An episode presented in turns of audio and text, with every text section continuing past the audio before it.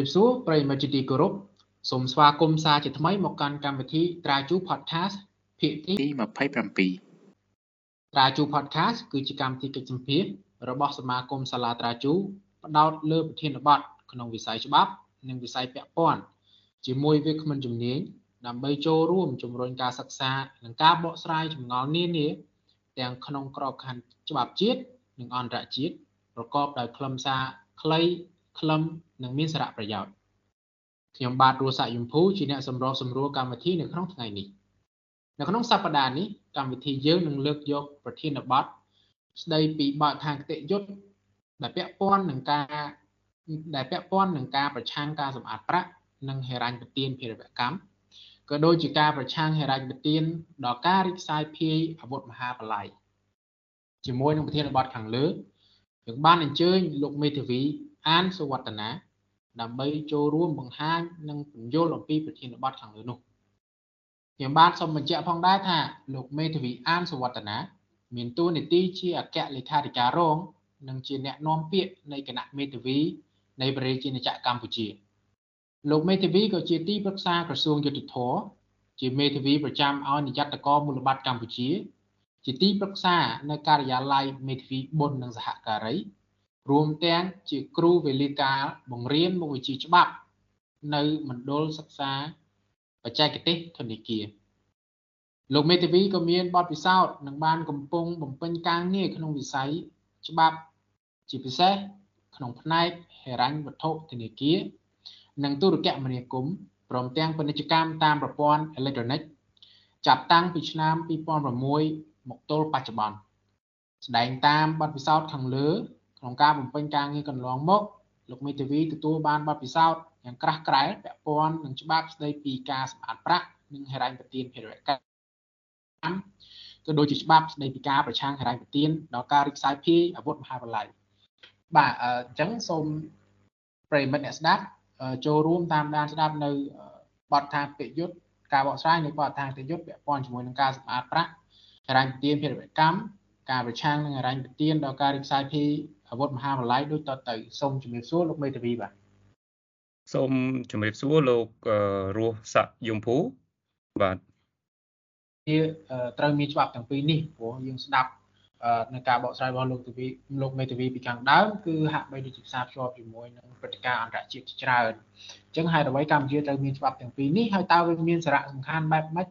ខ្លះទៅលើសង្គមក៏ដូចជាសេដ្ឋកិច្ចរបស់កម្ពុជា បាទសូមអរគុណលោករស់សាច់យមពូបាទកម្ពុជាជាប្រទេសដែលប្រកាន់ជាប់បាទរបបប្រជាធិបតេយ្យហើយកម្ពុជាក៏បានបាទប្រែក្លាយទៅជាប្រទេសដែលមានសេដ្ឋកិច្ចទីផ្សារសេរីដែលបានក្លាយទៅជាប្រទេសសមាជិកអង្គការពាណិជ្ជកម្មពិភពលោក WTO បាទផងដែរហើយទន្ទឹមនឹងនឹងដោយតែខ្ញុំបានគូបញ្ជាក់ពីដំបូង បាទប្រទេសកម្ពុជាយើងក៏ជាប្រទេសសមាជិកនៃក្រុមអាស៊ីប៉ាស៊ីហ្វិក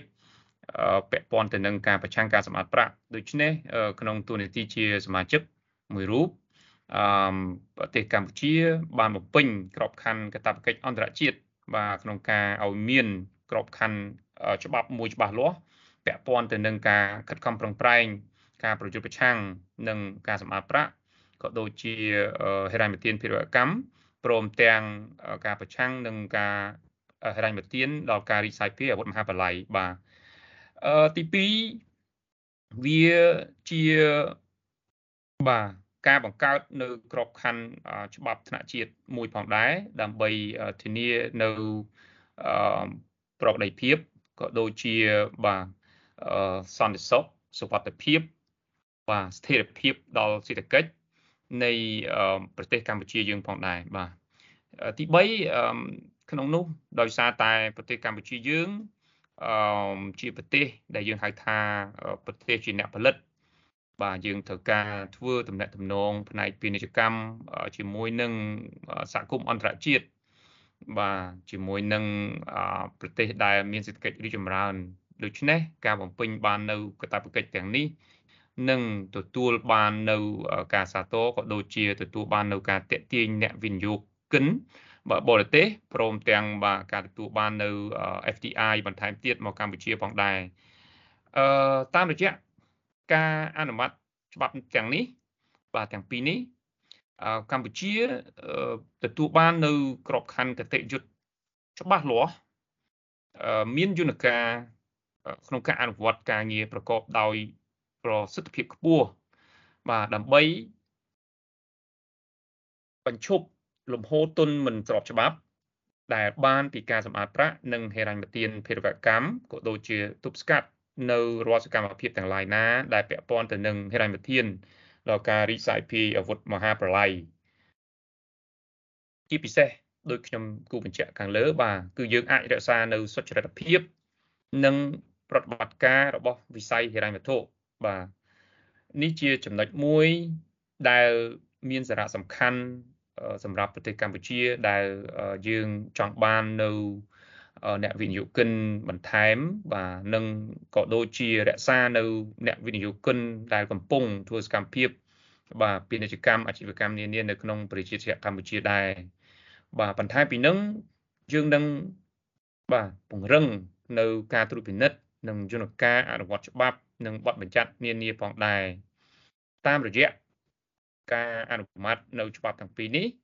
បាទកម្ពុជាក៏អាចបាទចូលរួមក្នុងការពង្រឹងនៅកិច្ចសហប្រតិបត្តិការក្នុងស្រុកនិងអន្តរជាតិផងដែរបាទជាការពិតណាស់អឺ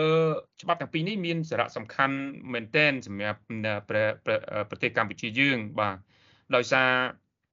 បាទសកម្មភាពសមានប្រាក់និងហិរញ្ញប្បទានភេរវកម្ម ត្រូវបានពិភពលោកចាត់ទុកជាអំពើឧក្រិដ្ឋមួយដែលបង្កអសន្តិសុខនិងសន្តិភាពសង្គមបំផ្លាញសេចក្តីថ្លៃថ្នូររបស់ប្រជាជននិងជាឧបសគ្គដ៏ចម្បងក្នុងការអភិវឌ្ឍសេដ្ឋកិច្ចនិងការកាត់បន្ថយភាពក្រីក្រ ដែលទាំងនេះគឺជាកិច្ចខិតខំប្រឹងប្រែងនិងជាគោលនយោបាយដ៏មានសារៈសំខាន់របស់រាជរដ្ឋាភិបាលកម្ពុជាបាទ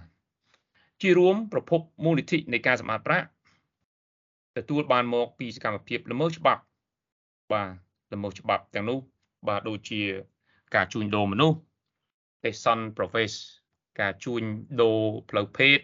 ការជួញដូរគ្រឿងញៀនការជួញដូរអាវុធខុសច្បាប់ បាទអំពើពុករលួយ និងស៊ីសំណូកការក្លែងបន្លំបទល្មើសបរិស្ថាន ការចាប់ចម្រិត និងចំណាប់ខ្មាំងជាដើម រួមទាំងការរត់ពន្ធនិងបទល្មើសផ្សេងផ្សេងទៀត បាទទាំងនេះគឺសុទ្ធតែជាសកម្មភាពដែលធ្វើឲ្យប្រទេសកម្ពុជាយើងនឹងងាយរងគ្រោះបាទនឹងងាយคล้ายទៅជាបាទកន្លែងមួយដែលភេរវករជនល្មើសនៅក្នុងការប្រព្រឹត្តសកម្មភាពដែលមិនត្រឹមត្រូវតាមច្បាប់កំណត់បាទទន្ទឹមនឹងនេះវាក៏ជា ការផ្ដល់នៅមធ្យោបាយឬក៏មូលនិធិដល់ភេរវករនិងអង្គការភេរវកម្មផងដែរដើម្បីបម្រើដល់មហិច្ឆតា និងមនោគមវិជ្ជាជាពិសេសសកម្មភាពរបស់ក្រមទាំងនោះ គឺជាការគម្រាមកំហែងដល់ស្ថិរភាពនិងសេដ្ឋកិច្ចជាតិក្នុងពេលបច្ចុប្បន្នដូច្នេះការដែលប្រទេសកម្ពុជា បាទអនុម័តនិងមានច្បាប់ទាំងពីរនេះគឺមានសារៈសំខាន់ខ្លាំងណាស់ដើម្បីធានានៅស្ថិរភាពសង្គមនិងសេដ្ឋកិច្ចបាទជាពិសេសគឺសន្តិភាព បាទសូមអរគុណលោករស់សាយយមភូបាទបាទអឺសូមអរគុណលោកមេធាវីអានសវត្តនាដែលបានបកស្រាយយ៉ាងក្បោះក្បាយថាតើតើជាអ្វីទៅជាសារៈប្រយោជន៍ហើយហេតុអ្វីកម្ពុជាចាំបាច់ត្រូវមានច្បាប់ទាំងពីរនេះអញ្ចឹងផ្សារភ្ជាប់ជាមួយនឹងប័ណ្ណខាងតិយុត្តដែលលោកបានបកស្រាយពីខាងដើម ហើយដើម្បីបញ្ជាក់នៅសុចរិតភាពហិរញ្ញវត្ថុក៏ដូចជាជាយន្តការមួយដើម្បីលើកស្ទួយនៅសង្គមក៏ដូចជាសេដ្ឋកិច្ចរបស់កម្ពុជាតើស្ថាប័នណាខ្លះដែលដែលមានសមត្ថកិច្ចក្នុងការអនុវត្តច្បាប់នេះឲ្យមានប្រសិទ្ធភាពហើយក៏ដូចជាការអនុវត្តច្បាប់សំខាន់សំខាន់ទាំងពីរនេះសូមលោកមេធាវីជួយមេត្តាបកស្រាយបន្ថែមបាទសូមអរគុណលោករស់សាក់យមភូចំពោះការសួរសំណួរពាក់ព័ន្ធទៅនឹងស្ថាប័នទទួលបន្ទុក ក្នុងការអនុវត្តច្បាប់ស្តីពីការប្រឆាំងការសម្បត្តិប្រាក់និងហិរញ្ញប្បទានភារកម្មក៏ដូចជាច្បាប់ស្ដីពីការប្រឆាំងដល់ហិរញ្ញប្បទានដល់ការរីសាយភាយនៃអាវុធមហាបល័យបាទពាក់ព័ន្ធទៅនឹងស្ថាប័ននៃការអនុវត្តស្របតាមខ្លឹមសារនៃច្បាប់ដែលមានជាធរមាន គឺយើងមានដូចខាងក្រោមបាទ អឺតាមមាត្រាទី19នៃច្បាប់ស្តីពីការប្រឆាំងការសម្បត្តិប្រាក់និងរ៉ាមទានភារវកម្មស្ថាប័នប្រឆាំងការសម្បត្តិប្រាក់រួមមានក្រមប្រឹក្សាពិបាលនិងអង្គភាពស៊ើបការរ៉ាញ់វត្ថុបាទក្រមប្រឹក្សាពិបាលនៃអង្គភាពស៊ើបការរ៉ាញ់វត្ថុមានទូនាទីពិគ្រោះយោបល់និងផ្ដល់អនុសាសន៍លើការងារប្រឆាំងការសម្អាតប្រាស់និងរ៉ាញ់វិធាន ដែលក្នុងនោះក្រមប្រឹក្សាពិបាលរួមមានមន្ត្រីជាន់ខ្ពស់តំណាងឲ្យស្ថាប័នដូចខាងក្រោមទី1ទីស្តីការគណៈរដ្ឋមន្ត្រី ទី2ក្រសួងយុតិធធទី3ក្រសួងមហាផ្ទៃទី4ក្រសួងសេដ្ឋកិច្ចនិងហិរញ្ញវត្ថុបាទទី5ធនាគារជាតិនៃកម្ពុជា ទី6ប្រធានអង្គភាពស៊ើបការហិរញ្ញវត្ថុជាលេខាធិការបាទ អង្គភាពស៊ើបការហិរញ្ញវត្ថុដែលស្ថិតនៅក្រោមការគ្រប់គ្រងរបស់ក្រមប្រឹក្សាពិបាលមានមុខងារនិងភារកិច្ចសំខាន់សំខាន់ដូចតទៅ ទី1គឺទទួលរបាយការណ៍ប្រតិបត្តិការសង្ស័យនិងប្រតិបត្តិការសាច់ប្រាក់ដែលធ្វើឡើងស្របតាមច្បាប់នេះនិងព័ត៌មានស្ដីពីការសង្ស័យនៃការសម្អាតប្រាក់ឬហិរញ្ញវិធានភារកម្មដែលត្រូវបានផ្ញើមកបាទទី2គឺប្រមូលព័ត៌មានដែលអង្គភាពស៊ើបការហិរញ្ញវិធានកម្ពុជាយល់ថា តកតងនឹងសកម្មភាពរបស់ខ្លួនស្ដីពីការសម្អាតប្រាក់ឬហិរញ្ញវិធានភារកម្មហើយដែលមានផ្សព្វផ្សាយជាសាធារណៈបាទរួមមានទិន្នន័យពាណិជ្ជកម្មក៏ដូចជាព័ត៌មានផ្សេងទៀតដែលចាំបាច់សម្រាប់ការអនុវត្តមុខងាររបស់ខ្លួន បាទដូចជាព័ត៌មានដែលបានប្រមូលនិងរក្សាទុកក្នុងទិន្នន័យដោយបុគ្គលរាយការណ៍បាទទី3គឺយកតាមកាលានុវត្តស្របតាមច្បាប់នៅព័ត៌មានហិរញ្ញវត្ថុរដ្ឋបាលនិងព័ត៌មានសម្រាប់ការពង្រឹងការអនុវត្តច្បាប់ ដែលចាំបាច់សម្រាប់ការបំពេញមុខងាររបស់ខ្លួនបាទរួមទាំងព័ត៌មានដែលត្រូវបានប្រមូលនិងរក្សាទុកក្នុងទិន្នន័យរបស់ក្រសួងនិងស្ថាប័នសាធារណៈបាទផ្សេងផ្សេងទី4វិភាគនិងវិតម្លៃនៅរាល់របាយការណ៍ប្រតិបត្តិការសង្ស័យនិងព័ត៌មានពាក់ព័ន្ធដើម្បីកំណត់ពីមូលដ្ឋានសំស្របដែលនាំឲ្យជឿជាក់ថាបទល្មើសសម្បត្តិប្រាក់ឬបទល្មើសហិរញ្ញប្បទានភារវកម្មបានកើតឡើងហើយក្នុងនោះក្នុងករណីនេះត្រូវបញ្ជូនសំណុំរឿងទៅក្រសួងស្ថាប័នអនុវត្តច្បាប់ ដើម្បីស៊ើបអង្កេតពីបទល្មើសបាទទី5គឺចងក្រងស្ថិតិនិងកត់ត្រាអំពីរបាយការណ៍ប្រតិបត្តិការសង្ស័យនិងប្រតិបត្តិការសាច់ប្រាក់ដែលបានទទួលវិភាគនិងបញ្ជូនទៅក្រសួងស្ថាប័នអនុវត្តច្បាប់និងផ្ដល់ព័ត៌មានទាំងនោះទៅក្រសួងនិងស្ថាប័នសាធារណៈផ្សេងទៀតយោងតាមរឿងហេតុដែលពាក់ព័ន្ធបាទទី6ផ្ដល់មតិទៅបុគ្គលរាយការណ៍និងក្រសួងស្ថាប័នផ្សេងផ្សេង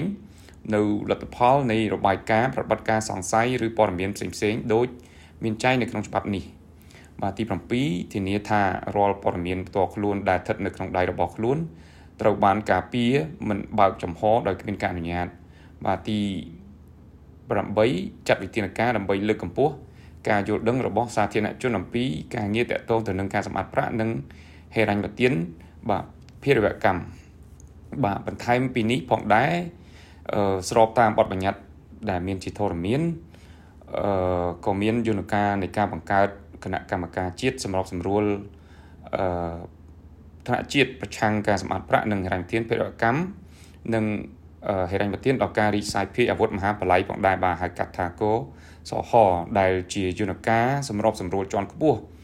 ក្នុងការអនុវត្តច្បាប់ស្ដីពីការប្រឆាំងការសម្អាតប្រាក់ និងហិរញ្ញទានភារកម្មនិងច្បាប់ស្ដីពីការប្រឆាំងហិរញ្ញទានដល់ការរីកសាយភាយអាវុធមហាបល័យបាទគណៈកម្មការសម្របសម្រួលថ្នាក់ជាតិនេះអឺមានការដឹកនាំពីឧបនាយករដ្ឋមន្ត្រីរដ្ឋមន្ត្រីក្រសួងមហាផ្ទៃនិងអគ្គទេសាភិបាលធនាគារជាតិជាអនុប្រធានប្រចាំការ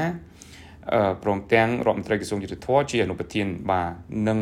តំណាងដោយក្រសួងអឺមួយចំនួនផ្សេងទៀតជាសមាជិក បាទនេះជាយន្តការសំខាន់ទី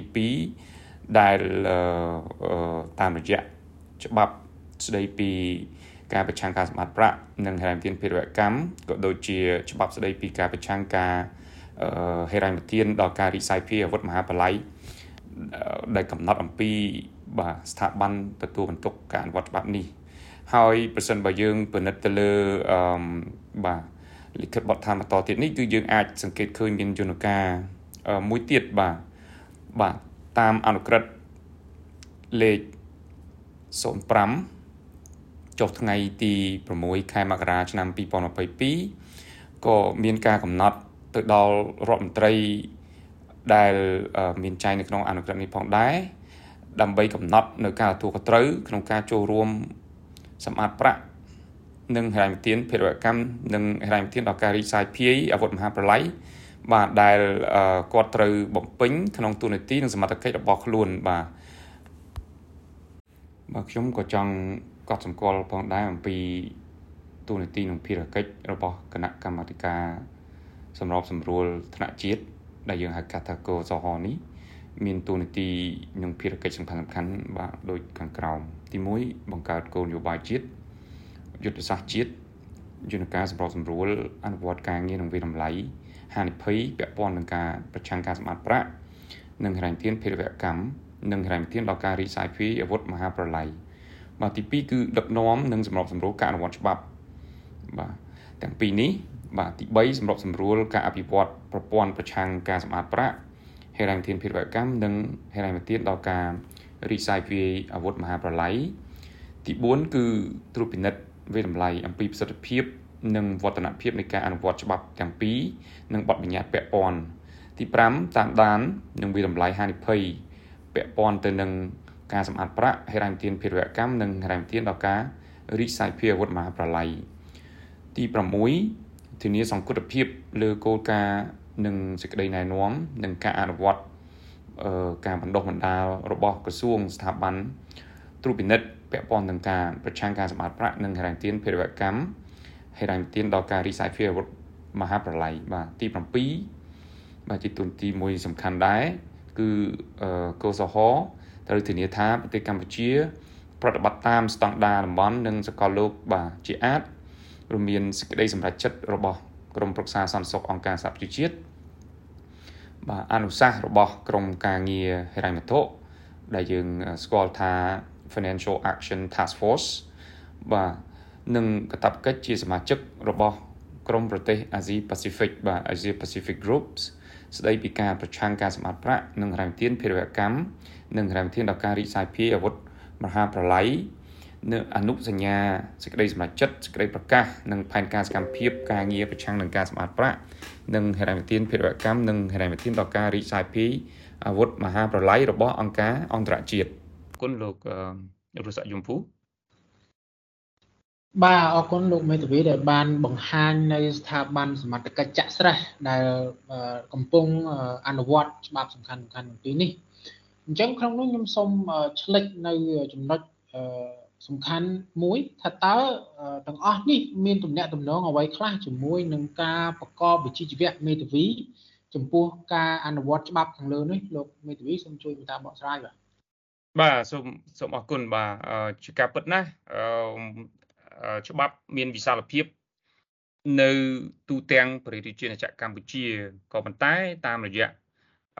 ខ្លឹមសារនៃច្បាប់ក៏បានកំណត់ឬក៏បង្កើតនៅទូនាទីមួយដែលយើងហៅថាបាទបុគ្គលរាយការណ៍បាទបុគ្គលរាយការណ៍នៅក្នុងនេះគឺយើងមានជាពីរប្រភេទយើងហៅថាបុគ្គលរាយការណ៍ដែលស្ថិតនៅក្រោមការគ្រប់គ្រងស្ថាប័នអាណាព្យាបាល ដោយធនាគារជាតិបាទនិងបុគ្គលរាយការណ៍ដែលចំណុះច្បាប់បាទអញ្ចឹងវិជាជីវៈមេធាវីត្រូវបានកំណត់និងចង្អុលយ៉ាងច្បាស់នៅក្នុងមាត្រា4នៃច្បាប់ស្តីពីការប្រឆាំងការសម្អាតប្រាក់និងអរិយទានភារវកម្មបាទគឺជាវិជាជីវៈចំណុះច្បាប់បាទដែលបាទខ្ញុំសូមធ្វើការដកស្រង់អឺច្បាប់នេះ ត្រូវអនុវត្តចំពោះបុគ្គលនិងវិជាជីវៈខាងក្រោមដែលតទៅនេះហៅថាបុគ្គលរាយការណ៍បាទចំណុចទី12គឺយើងបានកំណត់នៅបាទទូនាទីមួយចំនួន ទី1គឺមេធាវីសារការីគណនេយ្យកសវនកទីប្រឹក្សាវិនិយោគនិងអ្នកគ្រប់គ្រងទ្រព្យសម្បត្តិនៅពេលដែលអ្នកទាំងនោះរៀបចំឬធ្វើប្រតិបត្តិការតាក់ទងទៅនឹងសកម្មភាពបម្រើឲ្យអតិថិជនរបស់ខ្លួន បាទដូចមានចែងក្នុងមាត្រា5នៃច្បាប់នេះដូច្នេះរាល់តាមរយៈមាត្រា4ចំណុច12នេះអឺមេធាវីត្រូវបានគេកំណត់ជាបុគ្គលរាយការណ៍មួយប្រភេទផងដែរដែលបុគ្គលរីកាត្រូវមានកាតព្វកិច្ចក្នុងការគោរពតាមបទបញ្ញត្តិនានាដោយដែលមានចែងនៅក្នុងច្បាប់នេះបាទលោករស់សុយមភុ បាទជាការពិតលោកមេធាវីអានវឌ្ឍនាបានជម្រាបជូនប្រិមិត្តស្ដាប់អំពីបុគ្គលរាយការណ៍ដែលក្នុងនោះមេធាវីជាបុគ្គលរាយការណ៍យ៉ាងសំខាន់មួយអឺអញ្ចឹងជាសំណួរបន្តទៀតសម្រាប់លោកមេធាវីគឺថាតើប្រជាពលរដ្ឋដែលជាសាធារណជនអឺខេត្តអ្វីលោកគួរយល់ដឹងអំពីច្បាប់ទាំងពីរនេះដែរហើយ សូមសូមលោកមេធាវីអាចអាចជួយបកស្រាយចំណុចនេះបានទេបាទសូមអរគុណបាទអឺតាមគោលការណ៍ច្បាប់ បាទយើងមិនអាចសន្មត់ថាបុគ្គលណាមួយមិនដឹងអំពីច្បាប់នោះទេ បាទអញ្ចឹងគ្រប់ប្រជាពលរដ្ឋទាំងអស់ត្រូវតែសិក្សាស្វែងយល់អំពីបទដ្ឋានគតិយុត្តដែលមានក៏ប៉ុន្តែមានប្រភេទនៅ ច្បាប់មួយចំនួនដែលប្រហែលជានឹងមិនមានតំណែងតំណងដោយផ្ទាល់ឬក៏ដោយប្រយោលដោយឡែកដោយសារតែបាទសញ្ញាណនៃច្បាប់នេះគឺមានលក្ខណៈអាចនឹងពាក់ព័ន្ធទៅដល់ជីវភាពរស់នៅប្រចាំថ្ងៃរបស់ប្រជាពលរដ្ឋទូទៅខ្ញុំគិតថាការស្វែងយល់នឹងដឹងអំពីសិទ្ធិនិងកាតព្វកិច្ចនានាដែលមានបញ្ញត្តិនៅក្នុងច្បាប់នេះគឺមានសារៈសំខាន់ បាទជាពិសេសគឺប្រតិបត្តិការដែលប្រជាពលរដ្ឋយើង តែងតែជួបប្រទះរាល់ថ្ងៃទាំងក្នុងការប្រកបរបរទទួលទានក៏ដូចជាការងារដែរដែលនៅក្នុងច្បាប់នេះគឺបានកំណត់អំពីប្រតិបត្តិការសាច់ប្រាក់បាទនិងប្រតិបត្តិការសង្ស័យបាទបើសិនជាទោះបីជានៅក្នុងច្បាប់នេះមិនបានកំណត់អំពីបាទទូនាទីជាក់លាក់ក៏ដោយ បានន័យថាគេបង្កើតឲ្យមានយន្តការជាបុគ្គលរីកាបាទបុគ្គលរីកានេះគឺជាយន្តការកំណត់នៅកតាបកិច្ចឲ្យ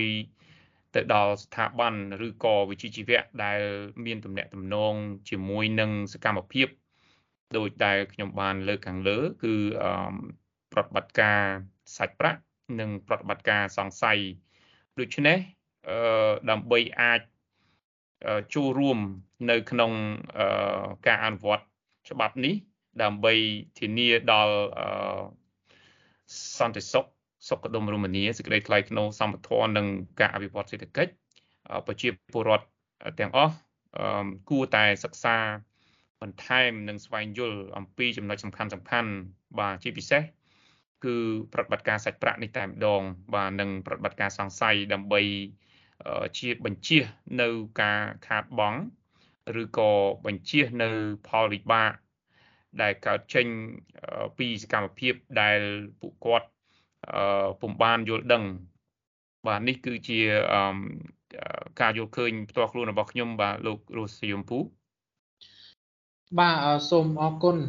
លោកមេធាវីអានសុវត្តនាដែលបានបង្ហាញនៅអំពីខ្លឹមសារច្បាប់ សំខាន់ទាំងពីរដែលសុទ្ធសឹងតែជាទិសដៅដើម្បីធ្វើយ៉ាងណាអភិវឌ្ឍសង្គមនិងសេដ្ឋកិច្ចជាពិសេសឆ្លើយតបនឹងការទប់ស្កាត់និងបង្ក្រាបបទល្មើសអឺការសម្អាតប្រាក់នេះហើយយើងឃើញថាបទល្មើសការសម្អាតប្រាក់ក៏ដូចជាបទដ្ឋានច្បាប់នេះពាក់ព័ន្ធចាក់ស្រេះជាមួយនឹង